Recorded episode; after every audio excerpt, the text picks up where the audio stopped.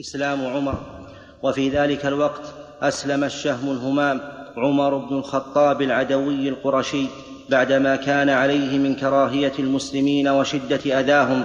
قالت ليلى إحدى المهاجرات لأرض الحبشة مع زوجها كان عمر بن الخطاب من أشد الناس علينا في إسلامنا. فلما ركبت بعيري أريد أن أتوجه إلى أرض الحبشة. إذا أنا به فقال لي إلى أين يا أم عبد الله؟ فقلت قد آذيتمونا في ديننا نذهب في أرض الله حيث لا نؤذى. فقال صحبكم الله. فلما جاء زوجي عامر أخبرته بما رأيته من رقة عمر. فقال ترجين أن يسلم؟ والله لا يسلم حتى يسلم حمار الخطاب. وذلك لما كان يراه من قسوته وشدته على المسلمين. ولكن حصلت له بركة دعوة المصطفى صلى الله عليه وسلم. فإنه قال قبيل إسلامه اللهم أعز الإسلام بعمر وكان إسلامه في دار الأرقم بن أبي الأرقم التي كان المسلمون يجتمعون فيها وقد حقق الله بإسلامه ما رجاه عليه السلام. إذا صح هذا الحديث اللهم أعز الإسلام بعمر فهو من آيات النبي صلى الله عليه وعلى آله وسلم. يعني كيف يرجو الله أن يعز الإسلام بعمر وهو من ألد أعدائه؟ لولا أنه توسم فيه الخير والنصر للاسلام ما دعا هذا الدعاء لأعد الناس فإذا صح الأثر على هذا الوجه فهو من آيات النبي صلى الله عليه وعلى آله وسلم أن دعا أن الله يعز يعز الإسلام بألد أعدائه وهو أيضا آية حيث استجاب الله دعاءه صلى الله عليه وعلى آله وسلم. نعم.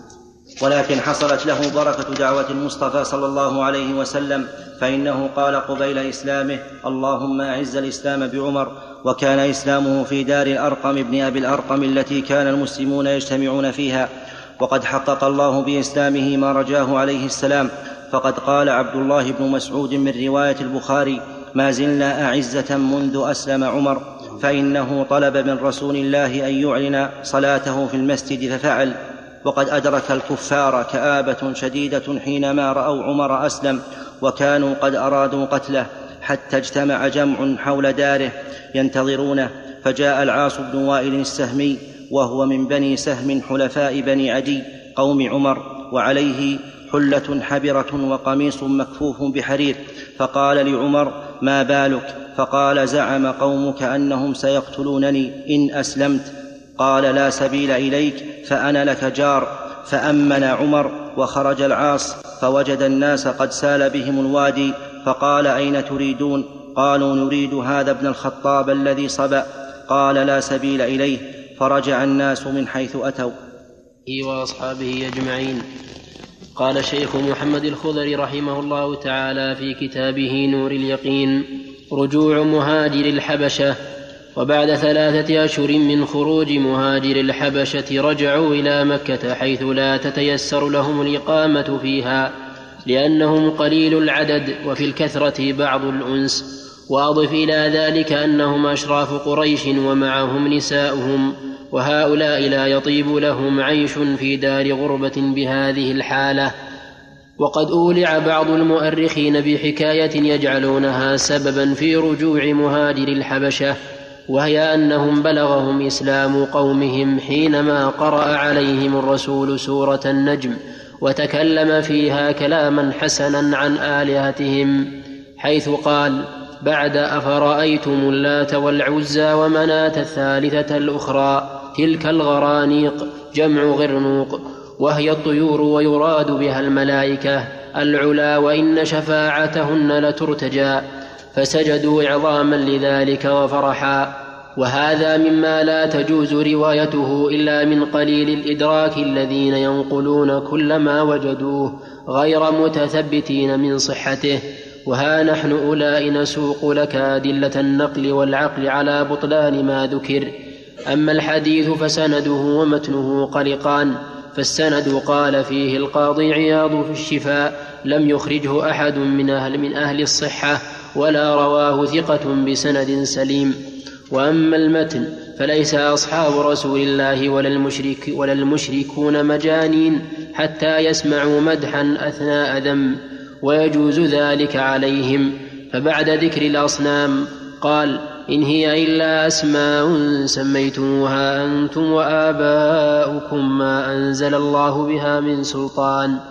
فالكلام غير منتظم ولو كان ذلك قد حصل لاتخذه الكفار عليه حجة يحاجونه بها وقت الخصام.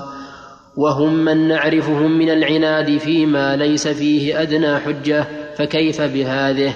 وليس ذلك القيل أقل من تحويل القبلة إلى الكعبة.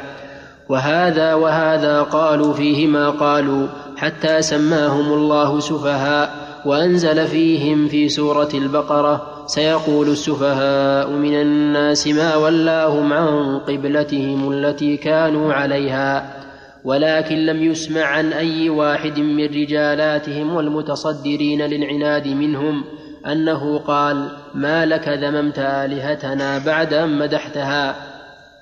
وكان ذلك أولى لهم من تجريد السيوف وبذل مهج الرجال. على أن المؤرخين الذين ينقلون هذه العبارة ويجعلونها سببا لرجوع مهاجر سببا لرجوع, لرجوع مهاجر الحبشة. يقولون أثناء كلامهم إن الهجرة كانت في رجب والرجوع كان في شوال ونزول سورة النجم كان في رمضان. فالمدة بين نزول السورة ورجوع المهاجرين شهر واحد. والمتأمل أدنى تأمل يرى أن الشهر كان لا يكفي في ذلك الزمن للذهاب من, للذهاب من مكة إلى الحبشة والإياب منها لأنه لم يكن إذ ذاك مراكب بخارية تسهل السير في البحر ولا تلغراف يوصل خبر إسلام قريش لمن بالحبشة فلا غرابة بعد ذلك إن قلنا إنها إن هذه الخرافة من موضوعات أهل الأهواء الذين ابتلى الله بهم هذا الدين. ولكن الحمد لله فقد من علينا بحفظ كتابنا المجيد الذي يحكم بيننا وبين كل مفتر كذاب. ففي السورة نفسها وما ينطق عن الهوى وما ينطق عن الهوى والذي يلقيه الشيطان من أقبح ما يروى. فكيف يقول عليه الصلاة والسلام أو فكيف يقول عليه الصلاة والسلام أو يجري على لسانه مما يبث الشكوك في الوحي الأمر الذي يريده السفهاء رد الله كيدهم في نحرهم. والذي ورد في الصحيح في موضوع هذا السجود ما رواه عبد الله بن مسعود أن النبي عليه الصلاة والسلام قرأ والنجم فسجد وسجد من كان معه إلا رجلا أخذ كفا من حصى وضعه على جبهته وقال يكفيني هذا فرأيته قتل بعد كافرا وليس في هذا وليس في هذا الحديث أي دلالة على أن الذين سجدوا معه هم مشركون بل الذي يفيده قوله فرأيته قتل بعد كافرا أنه كان مسلما أنه كان مسلما ثم رأيته ارتد وهذا ما حصل من بعض ضعاف القلوب الذين لم يتحملوا الأذى فكفروا. منهم علي بن أمية بن خلف. كلام الشيخ رحمه الله هذا غير صحيح. عندي بالحاشية يقول رواه البخاري أن النبي صلى الله عليه وعلى آله وسلم قرأ سورة النجم وسجد فيها المسلمون والمشركون والإنس والجن. فالصواب أنهم أنهم كلهم سجدوا لكن قالوا إن قريشا لما قرأت عليهم السورة وفيها ما تعلمون من الأشياء العظيمة ذهلوا وأنهم لذهولهم سجدوا مع المسلمين. وليس ذلك تقربا إلى الله كما هو معلوم. إلا هذا الرجل وأما قوله رأيته قتل بعد كافرا فهذا معناه أنه لم يسلم. وليس المعنى أنه أسلم ثم ارتد. فكلام الشيخ هنا الأخير هذا غير محرم. أما مسألة الغرانيق فالغرانيق أولا هي كما قال الشيخ رحمه الله رواتها ضعفاء والثاني على فرض صحتها فليس فيها ما يقدح في الرسالة لأن الله تعالى قال وما أرسلنا من قبلك من رسول ولا نبي إلا إذا تمنى ألقى الشيطان في أمنيته. يعني إذا قرأ ألقى الشيطان في قراءته فالشيطان حينما قرأ النبي صلى الله عليه وعلى آله وسلم هو الذي قرأ تلك الغرانيق العلا وإن شفاعتهن لترتجى. لكن الواقع أنه ما حصل هذا. إنما بين الله عز وجل أنه ما من نبي ولا رسول إلا إذا قرأ ألقى الشيطان في أمنيته فينسخ الله ما يلقي الشيطان ثم يحكم الله آياته والله عليم حكيم ليجعل ما يلقي الشيطان فتنة للذين في قلوبهم مرض والقاسية قلوبهم. فيلقي الشيطان في قراءته سواء في الإيهام اللفظي أو في التحريف المعنوي ويكون معنى النسخ الإزالة وليس النسخ المصطلح عليه. ويزيل الله هذا الذي ألقاه الشيطان في قراءة النبي والرسول يزيله بما بما ييسره سبحانه وتعالى من بيان الحق سواء بوحي ينزل على الرسول أو بورثة الرسل من العلماء الذين يبينون الحق. ألقى الشيطان في أمنيته ما ما يوجب إضلال الخلق. ما يوجب إضلال الخلق. وليس المعنى أنه يلقيه حال القراءة. ألقى في قراءته ما يكون من الإضلال. أي ألقى فيما قرأه. وهذا ما فتح به الشيطان على أولئك المحرفين والمغيرين لمعنى كلام الله عز وجل. لم هو بالرسول المسلمون. لما جاء لما قرأ القرآن وألقي وقرأه الناس يأتي الشيطان ويلقي في هذا القرآن ما يكون به الضلال ولا يلزم من ذلك أن يكون حال قراءة النبي صلى الله عليه وعلى آله وسلم. يعني ألقى الشيطان في مقروئه ما يكون به الضلال فينسخ الله ما يلقي الشيطان بما ييسره من الرد عليه وبيان باطله ثم يحكم الله آياته. يكون هذا من باب أن الله تعالى ينسخ هذا الذي ألقاه الشيطان ثم يحكم الله الآيات بما حصل من الرد عليه بالقول الصواب. ليجعل ما يلقي الشيطان فتنة للذين في قلوبهم مرض كقوله فأما الذين في قلوبهم زيغ فيتبعون ما تشابه. هذا ولما رجع مهاجر الحبشة إلى مكة ولم يتمكن من الدخول إليها إلا من وجد له لم, لم يتمكن. لم يتمكن من الدخول إليها إلا من وجد له مجيرا فدخل أبو سلمة في جوار خاله أبي طالب ودخل عثمان بن مضعون في جوار الوليد بن المغيرة وقد رد عليه جواره حينما رأى ما صنعه بالمسلمين. فلم يرى أن يكون مرتاحا وإخوانه معذبون. كتابة الصحيفة لما ضاقت الحيل بكفار قريش عرضوا على بني عبد مناف الذين منهم الرسول عليه, عليه الصلاة والسلام دية مضاعفة ويسلمونه فأبوا عليهم ذلك ثم عرضوا على أبي طالب أن يعطوه, أن يعطوه سيدا من شبانهم يتبناه ويسلم إليهم ابن أخيه ويسلم إليهم ابن أخيه. فقال عجبا لكم. تعطوني ابنكم أغذوه لكم وأعطيكم ابني تقتلونه. فلما رأوا ذلك أجمعوا أمرهم على منابلة بني هاشم وبني المطلب ولدي عبد مناف وإخراجهم من مكة والتضييق عليهم. فلا يبيعونهم شيئا ولا يبتاعون منهم حتى يسلموا محمدا للقتل. وكتبوا بذلك صحيفة وضعوها في جوف الكعبة. فانحاز بنو هاشم بسبب ذلك في شعب أبي طالب ودخل معهم بنو المطلب سواء في ذلك مسلمهم وكافرهم. ما عدا أبا لهب فإنه كان مع قريش وانخذل عنهم بنو عميهم. عبد شمس ونوفل ابني عبد مناف فجهد القوم حتى كانوا يأكلون ورق الشجر وكان أعداؤهم يمنعون يمنعون التجار من مبايعاتهم وفي مقدمة المانعين أبو لهب. في هذا يقول أبو طالب في لميته المشهورة جزى الله عنا عبد شمس ونوفل عقوبة شر عاجل غير آجل لأنهم كانوا مع قريش. ضد بني هاشم وبن المطلب. وجعل النبي صلى الله عليه وسلم لبني المطلب سهما من الخمس. وقال إنهم لم يفارقوني في جاهلية ولا إسلام. حتى إن بعض أهل العلم قال إن بني المطلب تحرم عليهم الصدقة وجعلهم من آل من آل محمد لأنهم يعطون من الفيء والغنيمة فلا تحل لهم الزكاة. لكن الصحيح أنها تحل. الزكاة لهم لكن لهم حق في الفيء جزى الله عنا عبد شمس ونوفل أو ونوفل عقوبة شر عاجل غير آجل. والله لازم تراجعون القصيدة هذه. أثنى عليها ابن كثير ثناء عظيما حتى قال ينبغي أن تكون من المعلقات السبع. نعم.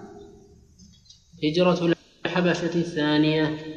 وبعد دخول الرسول وقومه الشعب أمر جميع المسلمين أن يهاجروا للحبشة حتى يساعد بعضهم بعضا على الاغتراب. فهاجر معظمهم وكانوا نحو ثلاث وكانوا نحو ثلاث وثمانين رجلا. وثا ثلاثة. ثلاثة. وكانوا نحو ثلاثة وثمانين رجلا وثماني عشرة امرأة. وكانوا من وكان من الرجال جعفر بن أبي طالب وزوجه أسماء بنت عميس والمقداد بن الأسود وعبد الله بن مسعود وعبيد الله بن جحش وامرأته أم حبيبة وأم وامرأته أم حبيبة بنت أبي سفيان وتوجه لهم الذين أسلموا من جهة اليمن وهم الأشعريون أبو موسى وبنو عمه ولما رأت قريش ذلك أرسلت في أثرهم عمرو بن العاص وعمارة بن الوليد بهدايا إلى النجاشي ليسلم المسلمين. يسلم. ليسلم المسلمين. فرجع شر رجعة ولم ينالا من النجاشي إلا إهانة لما خاطبوه به في إغفار ذمته في قوم لاذوا به. أما بنو هاشم فمكثوا في الشعب قريبا من ثلاث سنوات في شدة الجهد والبلاء لا يصلهم شيء من الطعام إلا خفية.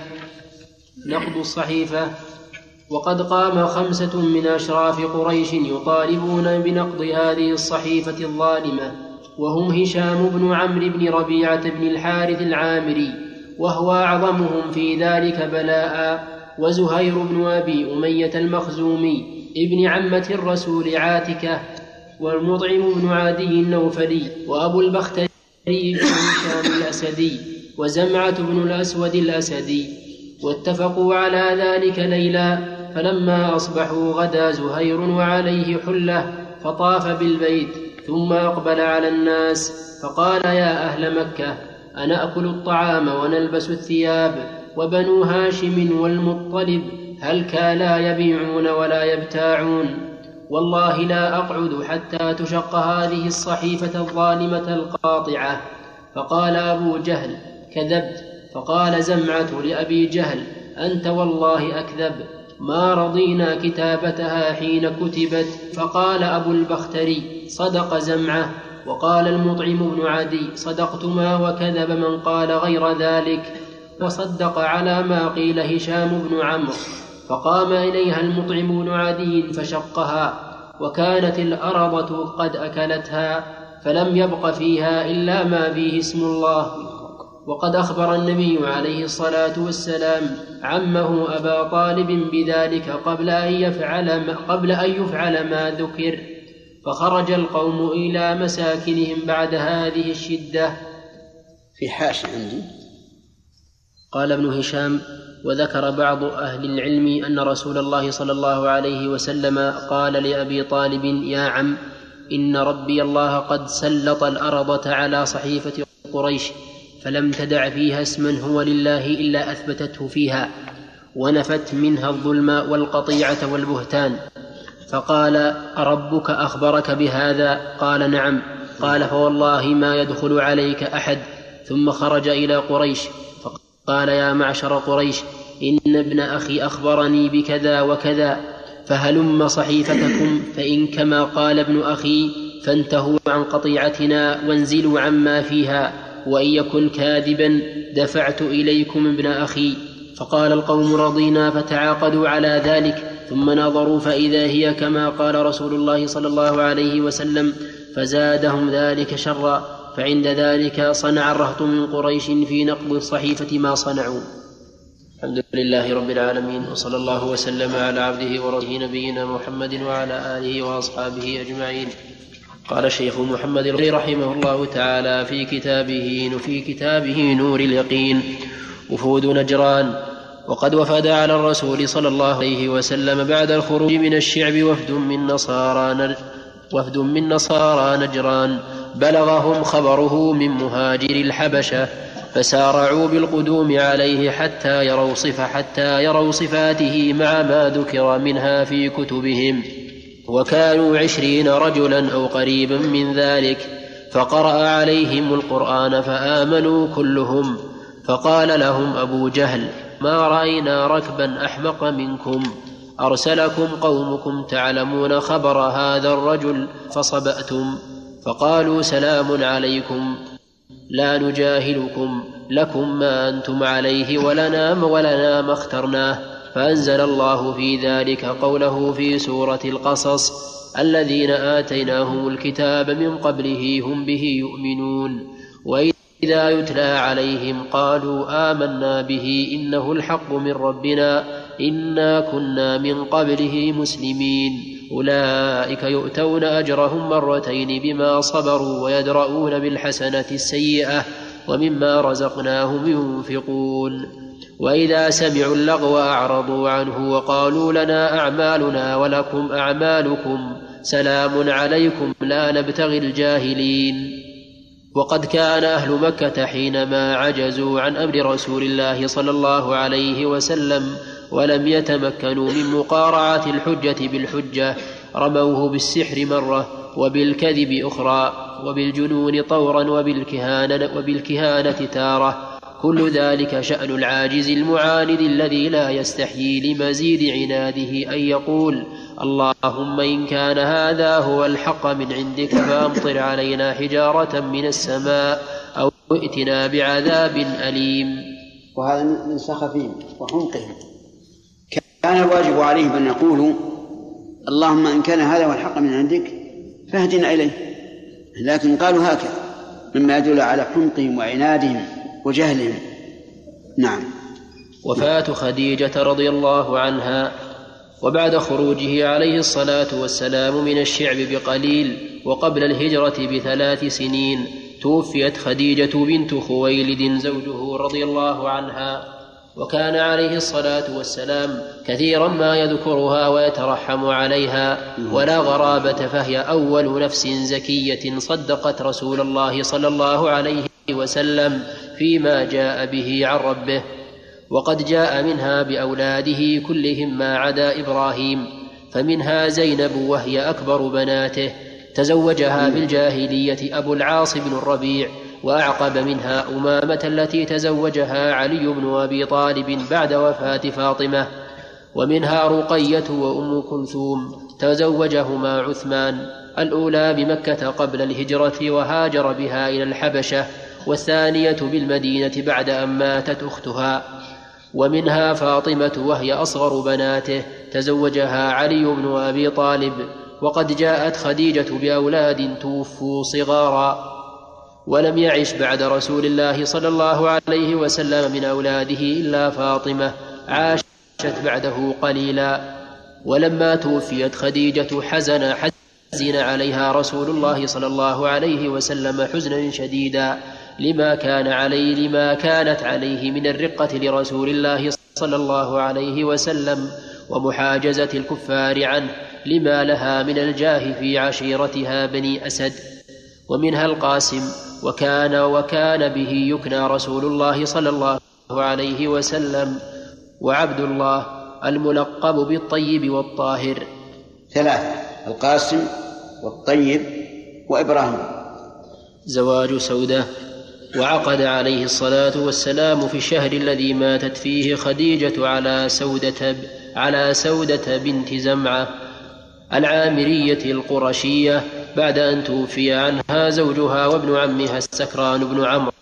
وقد كانت آمنت بالله وبرسوله وخالفت أقاربها وخالفت أقاربها وبني عمها وهاجرت مع زوجها إلى الحبشة في المرة الثانية خوف الفتنة وعقب رجوعه من هجرته توفي عنها فلم يكن ثم أجمل مما صنعه الرسول صلى الله عليه وسلم بزوج رجل آمن به.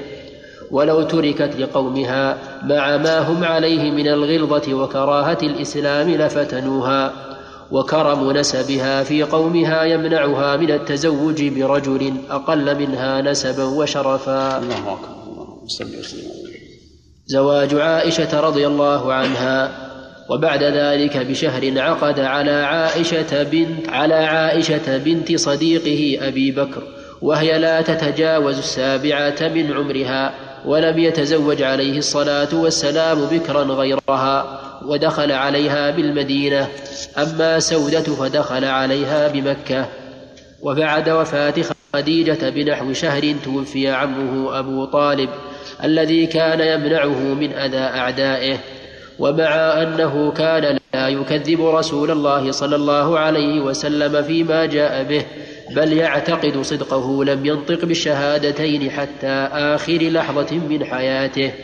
وفيه نزل في سورة القصص إنك لا تهدي من أحببت ولكن الله يهدي من يشاء وهو أعلم بالمهتدين. ولكن لأعماله العظيمة التي عملها مع رسول الله صلى الله عليه وسلم نرجو أن يخفف عنه. وهذا هو الواقع أن خفف عنه.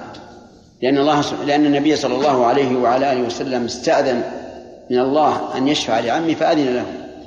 فكان في ضحضاح من نار عليه نعلان تغلي منهما يغلي منهما دماغه والعياذ بالله أعوذ بالله.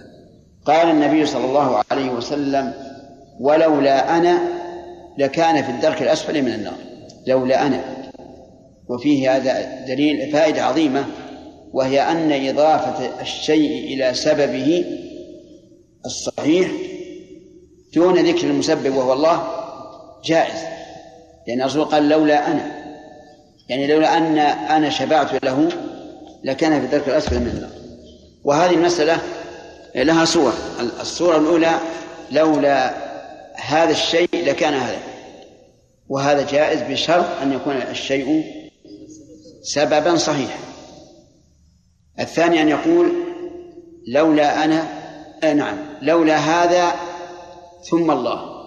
فهذا جائز لأن المرتبة هنا واضحة النزول.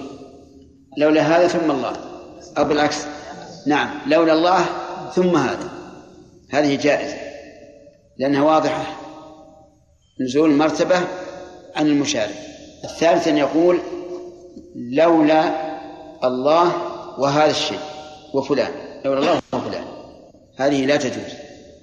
قال فيها النبي صلى الله عليه وعلى آله وسلم لما قيل له ذلك قال أجعلتني لله ندا بل ما شاء الله وحده. هذه ثلاثة. الرابع أن يقول لولا الله ففلان. بالفاء الدالة على الترتيب والتعقيب. فهل نقول إنها مثل ثم جائزة أو نقول إنها مثل الواو أي ممنوعة. الحقيقة أنها في منزلة بين المنزلتين. هي دون ثم لأن التراخي في التراخي في الثم واضح والارتباط بالفاء والتعقيب واضح. فهي محل إشكال والأولى العدول عنها إلى ثم أو أو إلى ذكر الله وحده. الخامس أن يقول لولا الله لكان كذا وكذا. هذا هذا جائز وهذا هو الأصل. استمر وعدم إسلامه هو وغالب أقارب الرسول صلى الله عليه وسلم إذا كان المؤلف رحمه الله لم يطلع على الحديث الذي رواه مسلم الذي سقته لكم حين قال نرجو أن يخفف عنه. نقول بل خفف بالفعل. وعدم إسلامه هو وغالب أقارب الرسول صلى الله عليه وسلم فيه من الحكمة ما لا يخفى فإنهم لو بادروا باتباعه لقيل قوم يطلبون سيادة وفخرا ليس لهم فجاءوا بهذا الأمر المفترى. ولكن لما رأى المعاندون أن متبعيه هم الغرباء عنه الذين ليسوا من عشيرته بل من أعدائه أحيانا بل من أعدائها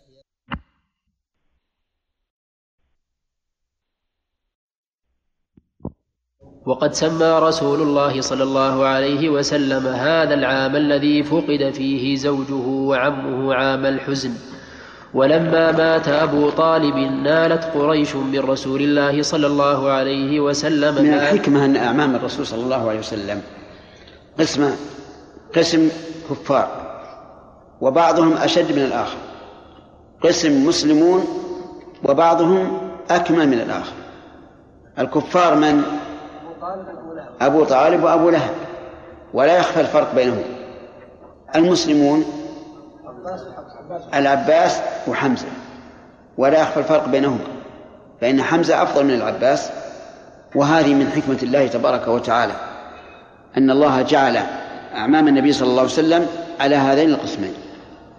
ولما مات أبو طالب نالت قريش من رسول الله صلى الله عليه وسلم ما لم يمكنها نيله في حياة أبي طالب واشتد الأمر عليه حتى كانوا ينثرون التراب على رأسه وهو سائر ويضعون أوساخ الشاة عليه في صلاته.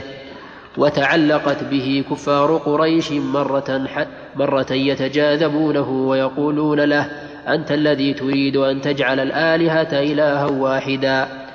فما تقدم أحد من المسلمين حتى يخلصه منهم لما هم عليه من الضعف إلا أبو بكر فإنه تقدم وقال أتقتلون رجلا أن يقول ربي الله؟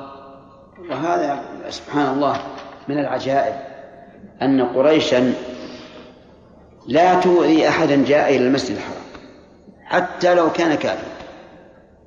والنبي صلى الله عليه وسلم ساجد تحت الكعبة يعبد الله عز وجل يؤذونه هذا الإيذاء. يأتون بسل الجزور ويضعونه على ظهره وهو ساجد. كل هذا من أجل أن ينال رسول الله صلى الله عليه وعلى آله وسلم أعلى درجات الصبر. لأن الصبر خلق عظيم. لا يمكن أن يناله الإنسان إلا بوجود شيء يصبر عليه. كما أنه عليه الصلاة والسلام يمرض كما يمرض الرجلان منا. يعني يشدد عليه وشدد عليه أيضا النزع عند الموت. وكل هذا كما قلت لكم حتى ينال أعلى درجات الصبر. صلوات الله وسلامه عليه. وأسأل الله تعالى أن يحشرنا في زمرته جميعا. نعم. هجرة الطائف.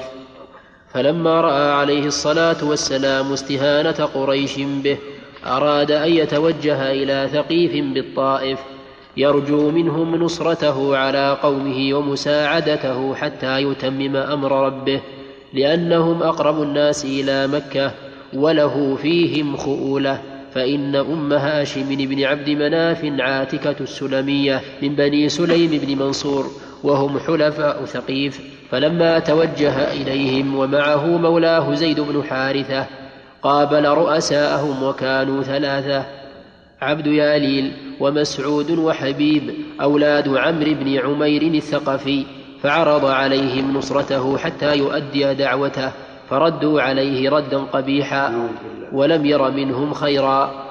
وحين ذاك طلب منهم ألا يشيعوا ذلك عنه كي لا تعلم قريش فيشتد أذاهم لأنه استعان عليهم بأعدائهم. فلم تفعل ثقيف فلم تفعل ثقيف ما رجاه منهم عليه الصلاة والسلام. بل أرسلوا سفهاءهم وغلمانهم يقفون في وجهه في الطريق ويرمونه بالحجارة حتى أدموا عقبه.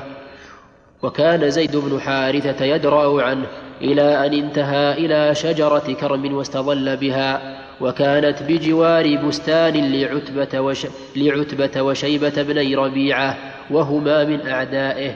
وكانا في البستان فكره رسول الله صلى الله عليه وسلم مكانهما فدعا الله قائلا اللهم إني أشكو إليك ضعف قوتي وقلة حيلتي وهواني على الناس يا أرحم الراحمين أنت رب المستضعفين وأنت ربي إلى من تكلني إلى بعيد يتجهمني أم إلى عدو ملكته أمري إن لم يكن بك غضب علي فلا أبالي فلما رآه ابن ربيعة رقى له وأرسل إليه بقطف من العنب مع مولى لهما نصراني اسمه عداس. فلما ابتدأ رسول الله صلى الله عليه وسلم هذا الحديث يعني فيه معاني جليلة. إن لم يكن بك علي غضب فلا أبالي غير أن عافيتك أوسع لي. الإنسان حقيقي يحتاج إلى هذا. أحيانا يأتيه أشياء تضيق صدره. داخلية وخارجية في الأهل في الأقارب في فيقول هذا حتى وإن كان الحديث ليس بصحيح إن لم يكن بك علي غضب فلا أبالي. لأن الرضا مقصودي. غير أن عافيتك أوسع لي لا شك. لأن البلاء قد ينزل بالإنسان ويحصل عليه انحراف نسأل الله العافية. نعم. بسم الله الرحمن الرحيم. الحمد لله رب العالمين وصلى الله وسلم وبارك على عبده ورسوله نبينا محمد وعلى آله وأصحابه أجمعين. قال الشيخ محمد الخضري رحمه الله تعالى في كتابه نور اليقين في ذكر سياق هجرة النبي صلى الله عليه وسلم إلى الطائف. فلما رآه ابن ربيعة رقى وأرسل إليه بقطف من العنب مع مولى لهما نصراني. اسمه عداس. فلما ابتدأ رسول الله صلى الله عليه وسلم يأكل قال بسم الله الرحمن الرحيم. فقال عداس هذا الكلام ما يقوله أهل هذه البلاد. فقال له عليه السلام من أي البلاد أنت وما دينك؟ فقال نصراني من نينوى. فقال له عليه السلام من قرية الرجل الصالح يونس بن متى؟ قال وما علمك بيونس؟ فقرأ له من القرآن ما فيه قصة يونس. فلما سمع ذلك عداس فلما سمع ذلك عداس أسلم. وأتى جبريل برسالة من الله جل ذكره وقال إن الله أمرني أن أطيعك في قومك لما صنعوه معك. فقال عليه السلام اللهم اهد قومي فإنهم لا يعلمون. فقال جبريل صدق من سماك الرؤوف الرحيم. ولما كان بنخلة وفد عليه نفر هذا يحتاج إلى إثبات. لأن الله سبحانه وتعالى لم يسمي النبي صلى الله عليه وسلم الرؤوف الرحيم بل قيد فقال بالمؤمنين رؤوف رحيم وهذه ليست تسمية على الإطلاق. كذلك قصة عداس تحتاج إلى إلى تحرير ولكن المتتبع للتواريخ يرى أن الأمر كما قال الإمام أحمد أن هذه التواريخ والسير والمغازي ليس لها إسناد قائم. يتوارثها الناس ويتناقلونها ثم تكتب. نعم.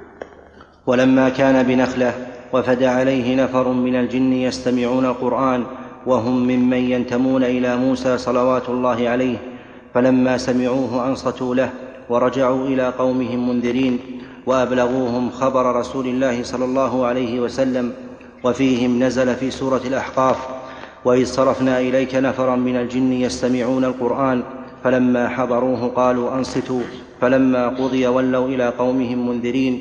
قالوا يا قومنا إنا سمعنا كتابا أنزل من بعد موسى مصدقا لما بين يديه يهدي إلى الحق وإلى طريق مستقيم. يا قومنا أجيبوا داعي الله وآمنوا به يغفر لكم من ذنوبكم ويجلكم من عذاب أليم. ومن لا يجب داعي الله فليس بمعجز في الأرض وليس له من دونه أولياء أولئك في ضلال مبين. وقد قص الله قصة الجن بعبارة أطول في سورة سميت باسمهم. أولها قل أوحي إلي أنه استمع نفر من الجن فقالوا إنا سمعنا قرآنا عجبا. يهدي إلى الرشد فآمنا به ولن نشرك بربنا أحدا. في هذه القصة قال الله عز وجل وإذ صرفنا إليك. يعني اذكر يا محمد إذ صرفنا إليك. ولا يخفى ما في هذا التعبير من كون أفعال العباد بيد الله عز وجل وبإرادة الله. خلافا لمن؟ لا القدرية. وقول إليك نفرا من الجن. دليل على أن الجن يسمون نفرا. كما أنهم يسمون رجالا. قال الله تعالى وأنه كان رجال من الإنس يعوذون برجال من الجن. يستمعون القرآن. يعني صرفناهم لأجل أن يستمعوا القرآن. فلما حضروه قالوا أنصتوا. وهذا من دليل على أدبهم حيث أمر بعضهم بعضا بالإنصات وهو الاستماع بوعي لما يقال. فلما قضي ولوا إلى قومهم منذرين وهذا أيضا من كمال أدبهم. لم يقم أحد منهم حتى انتهى الحديث. وهكذا ينبغي لمن حضر كلاما نافعا أن لا ينصرف حتى ينتهي. فلما قضي ولوا إلى قومهم منذرين. أي انصرفوا إلى قومهم ينذرونهم من البقاء على الشرك ومخالفة الرسل. قالوا يا قومنا إنا سمعنا كتابا أنزل من بعد موسى مصدقا لما بين يديه. أي للكتب السابقة وللرسل السابقين. وتصديق القرآن لما بين يديه له معنيان. يعني. المعنى الأول الشهادة لها بالصدق. والمعنى الثاني أنه يصدق ما أخبرت به من هذا القرآن. لأن الكتب السابقة ذكرت عن القرآن ما ذكرت. وقوله ولوا إلى قومهم منذرين. هذا معنى قوله تعالى يا معشر الجن والإنس ألم يأتكم رسل منكم؟ وقد اختلف العلماء رحمهم الله في معنى الآية يا معشر الجن والإنس ألم يأتكم رسل منكم؟ هل من الجن رسل؟ من العلماء من أخذ بظاهر الآية وقال إن من الجن رسلا. لكن هذا القول ضعيف لقول الله تعالى ولقد أرسلنا نوحا وإبراهيم وجعلنا في ذريتهما النبوة والكتاب. وعلى هذا فإما أن يكون أن تكون الآية يا معشر الجن والإنس لما تكون رسل منكم الخطاب موجه للمجموع. وأحد الطرفين في المجموع منهم الرسل. لا للجميع الذي يشمل كل واحد. وإما أن يقال الرسل من الإنس هم الذين أوحى الله إليهم وأمرهم بالتبليغ وأما الرسل من الجن فهم الذين أرسلهم الرسل إلى قومهم وليسوا رسلا موحى إليهم يهدي إلى الحق وإلى طريق مستقيم. الحق يعني الصدق والعدل وإلى طريق مستقيم أي منهج مستقيم لا اعوجاج فيه. يا قومنا أجيبوا داعي الله وآمنوا به. والمراد بداعي الله هو محمد صلى الله عليه وعلى آله وسلم.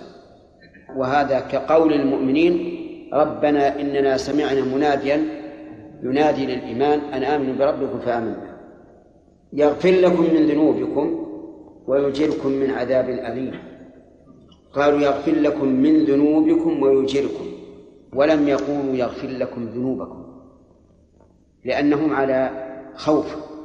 وأما الله عز وجل فقد قال تعالى يا أيها الذين آمنوا هل أدلكم على تجارة تنجيكم من عذاب أليم تؤمنون بالله ورسوله وتجاهدون في سبيل الله بأموالكم وأنفسكم؟ ذلكم خير لكم إن كنتم تعلمون. بعدها يغفر لكم ذنوبكم. لم يقل من ذنوبكم لأنه حاكم عز وجل. وهؤلاء الجن لا يحكموا بهذا لكن يترجون أن أن تكون المغفرة من بعض الذنوب.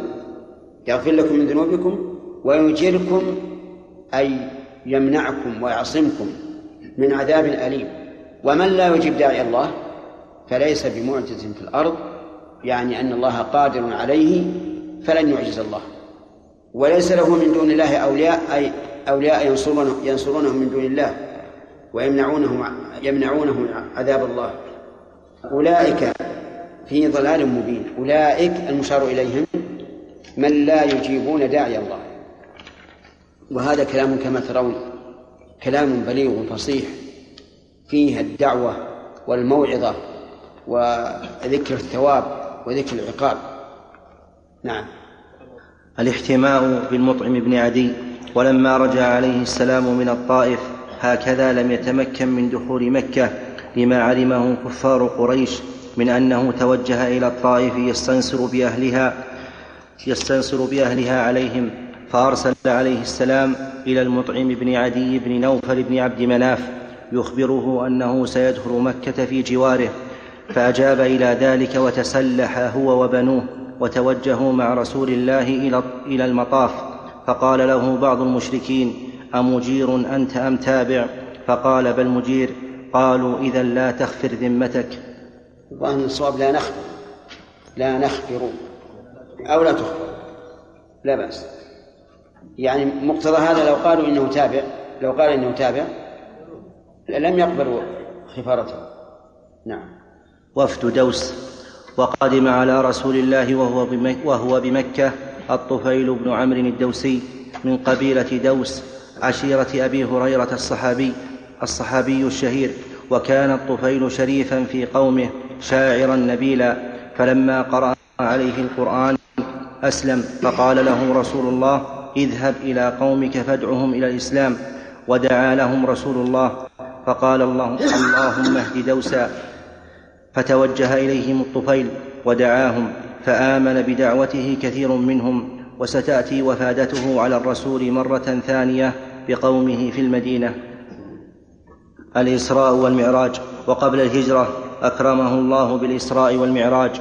أما الإسراء فهو توجهه ليلا إلى بيت المقدس بإيلياء ورجوعه من ليلته. وأما المعراج فهو صعوده إلى العالم العلوي. وقد قال جمهور أهل السنة إن ذلك كان بجسمه الشريف وكانت عائشة رضي الله عنها تمنع رؤية رسول الله ربه. وتقول من قال إن محمدا رأى ربه فقد أعظم الفرية على الله. والإسراء مذكور في القرآن الكريم. قال الله تعالى في أول سورة الإسراء سبحان الذي أسرى بعبده ليلا من المسجد الحرام إلى المسجد الأقصى الذي باركنا حوله لنريه من آياتنا إنه هو السميع البصير. وأما المعراج فقد ورد في صحيح السنة وأصح أحاديثه ما رواه الشيخان ونقله. سبحان الذي أسرى بعبده. هو الله عز وجل. وصدر هذا بالتسبيح تنزيها لله تبارك وتعالى عن العبث فيما يقدره تبارك وتعالى. من هذا الإسراء فإنه قد يقول قائل وما الفائدة من ذلك؟ فنزه نفسه تبارك وتعالى أن يكون ذلك عبثا. وفي وصفه بالعبودية صلى الله عليه وعلى آله وسلم تكريم له وهذه هي العبودية الخاصة. نعم.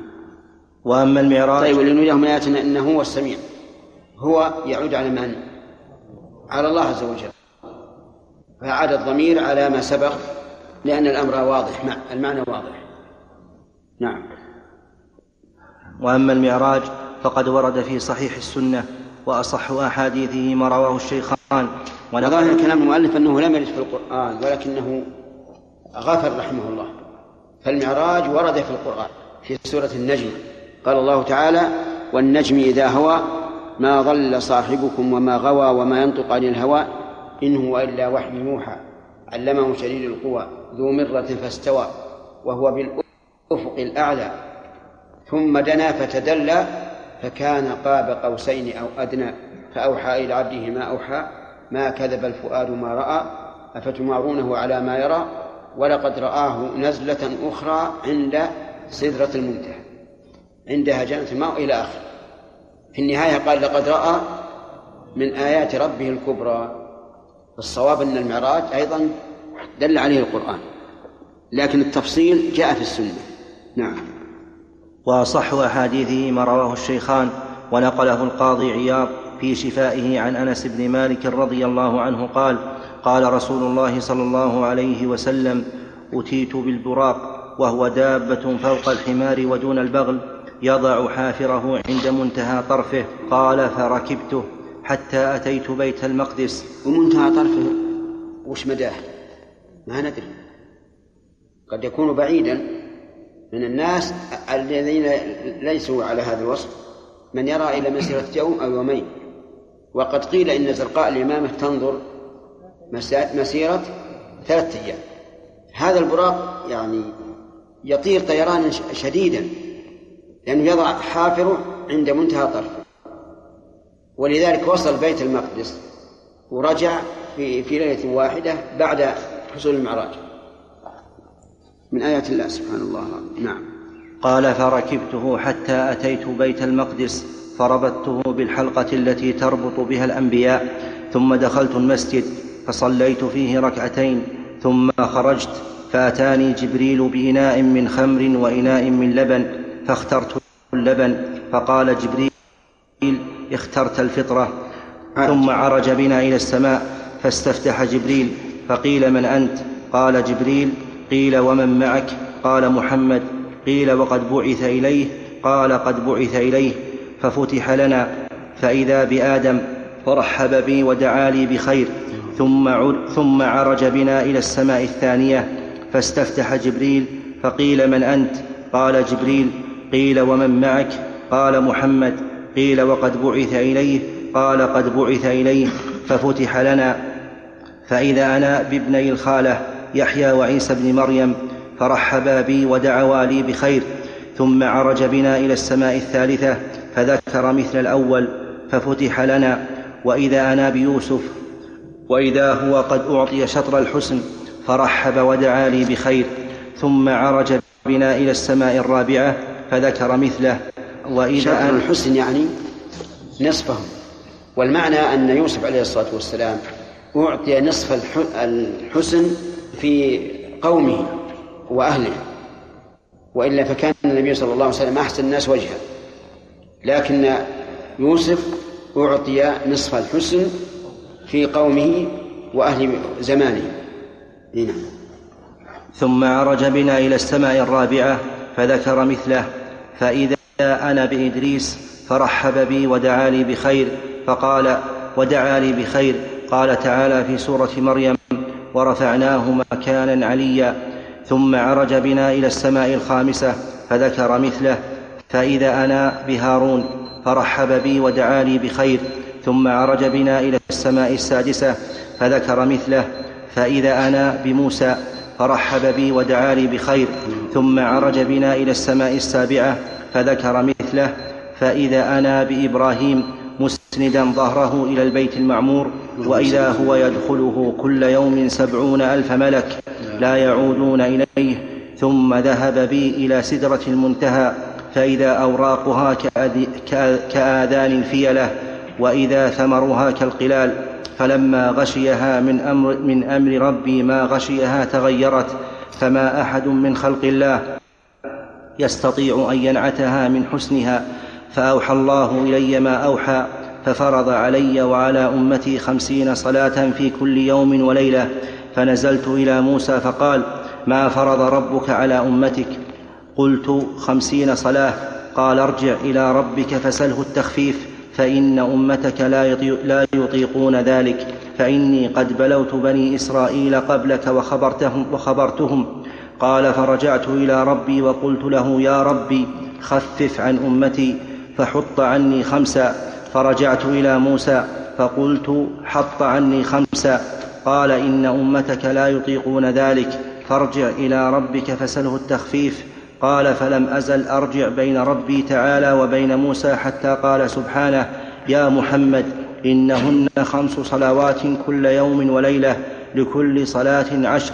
فتلك خمسون صلاة ومن هم بحسنة فلم يعملها كتبت له حسنة ومن هم بحسنة فعملها كتبت له عشرا ومن هم بسيئة فلم يعملها لم تكتب له شيئا ومن هم بسيئة فعملها كتبت له سيئة واحدة.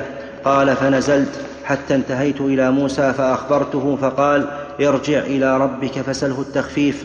فقلت قد رجعت إلى ربي حتى استحييت منه. ثم رجع عليه السلام من ليلته فلما أصبح غدا إلى نادي قريش فجاء إليه أبو جهل بن هشام فحدثه رسول الله صلى الله عليه وسلم بما جرى له فقال أبو جهل يا بني كعب بن لؤي هلموا فأقبل عليه كفار قريش فأخبرهم الرسول الخبر فصاروا بين مصفق وواضع يده على رأسه تعجبا وإنكارا وارتد ناس ممن كان آمن به من ضعاف القلوب وسعى رجال إلى أبي بكر فقال إن كان قال ذلك لقد صدق. قالوا أتصدقه على ذلك؟ قال إني لأصدقه على أبعد من ذلك فسمي من ذلك اليوم صديقا. انظر إلى احترازه رحمه الله رضي الله عنه. إن كان قال ذلك وهذا الشرط يجب أن أن يستعمله الإنسان في كل خبر شك فيه. لا يبني على خبر الناس. الناس قد يخبرون بالكذب عمدا وقد يخبرون بالكذب وهما. فقيد حتى تسلم. قل إن كان قال ذلك فقد صدق أو كذب. فهذا الاحتراز من أبي بكر رضي الله عنه يدل على ورعه وأنه ليس متعجلا. ثم إنه قال أصدقه على أبعد من ذلك. نعم هو يصدقه على كل شيء. ولهذا سمي من ذلك الوقت من ذلك اليوم بالصديق مبالغة في الصدق. وقد أشار الله إلى معنى الصديق بقوله والذي جاء بالصدق وصدق به. فهو صادق فيما يجيء به مصدق للصدق. نعم. ثم قام الكفار يمتحنون رسول الله فسألوه نعت بيت المقدس وفيهم رجال رأوه. أما رسول الله صلى الله عليه وسلم فلم يكن رآه قبل ذلك فجلاه الله له فصار يصفه لهم بابا بابا وموضعا موضعا. قالوا أما النعت فقد أصاب فأخبرنا عن عيرنا وكانت لهم عير قادمة من الشام فأخبرهم بعدد جمالها وأحوالها وقال تقدم يوم كذا مع طلوع الشمس يقدمها جمل أورق. فخرجوا يشتدون ذلك اليوم نحو الثنية فقال قائل منهم هذه والله الشمس قد أشرقت فقال آخر وهذه والله العير قد أقبلت يقدمها جمل أورق كما قال محمد ثم لم يزدهم ذلك إلا كبرا وعنادا. الأورق يعني الذي آه، لون جلده آه، شعره أشهب نسبة إلى الورق وهو الفضة. نعم. ثم لم يزدهم ذلك إلا كبرا وعنادا حتى قالوا هذا سحر مبين. وفي صبيحة ليلة الإسراء جاء جبريل وعلم رسول الله صلى الله عليه وسلم كيفية الصلاة وأوقاتها فيصلي ركعتين إذا ظهر الفجر وأربع ركعات إذا زالت الشمس ومثلها إذا ضوعف ظل الشيء وثلاثا إذا غربت وأربعا إذا غاب الشفق الأحمر. وكان عليه السلام قبل مشروعية الصلاة يصلي ركعتين صباحا ومثلهما مساء كما كان يفعل إبراهيم عليه السلام. الرحمن الرحيم. الحمد لله رب العالمين. صلى الله وسلم وبارك على عبده ورسوله نبينا محمد وعلى آله وأصحابه أجمعين. قال الشيخ محمد الخضري رحمه الله تعالى في كتابه نور اليقين. العرض على القبائل. ولما رأى رسول الله صلى الله عليه وسلم أنه يجد من قريش منعه من تأدية الرسالة وتسلط الكبر والعظمة على قلوبهم أراد الله أن يظهر أمر الدين على أيدي غيرهم من العرب. فكان عليه الصلاة والسلام يخرج في المواسم العربية وهي أسواق كانت العرب تعقدها للتجارة والمفاخرة ويعرض نفسه على القبائل ليحموه حتى يؤدي رسالة ربه فكان بعضهم يرد ردا جميلا وآخرون ردا قبيحا وكان من أقبح القبائل ردا بنو حنيفة رهط مسيلمة الكذاب وطلب منه بنو عامر إنهم آمنوا به أن يجعل لهم أمر الرئاسة من بعده فقال لهم الأمر لله يضعه حيث شاء وكان من الذين يحجون البيت عرب يثرب وهي مدينة بين مكة والشام يقطنها قبيلتان إحداهما من ولد الأوس والثانية من ولد الخزرج.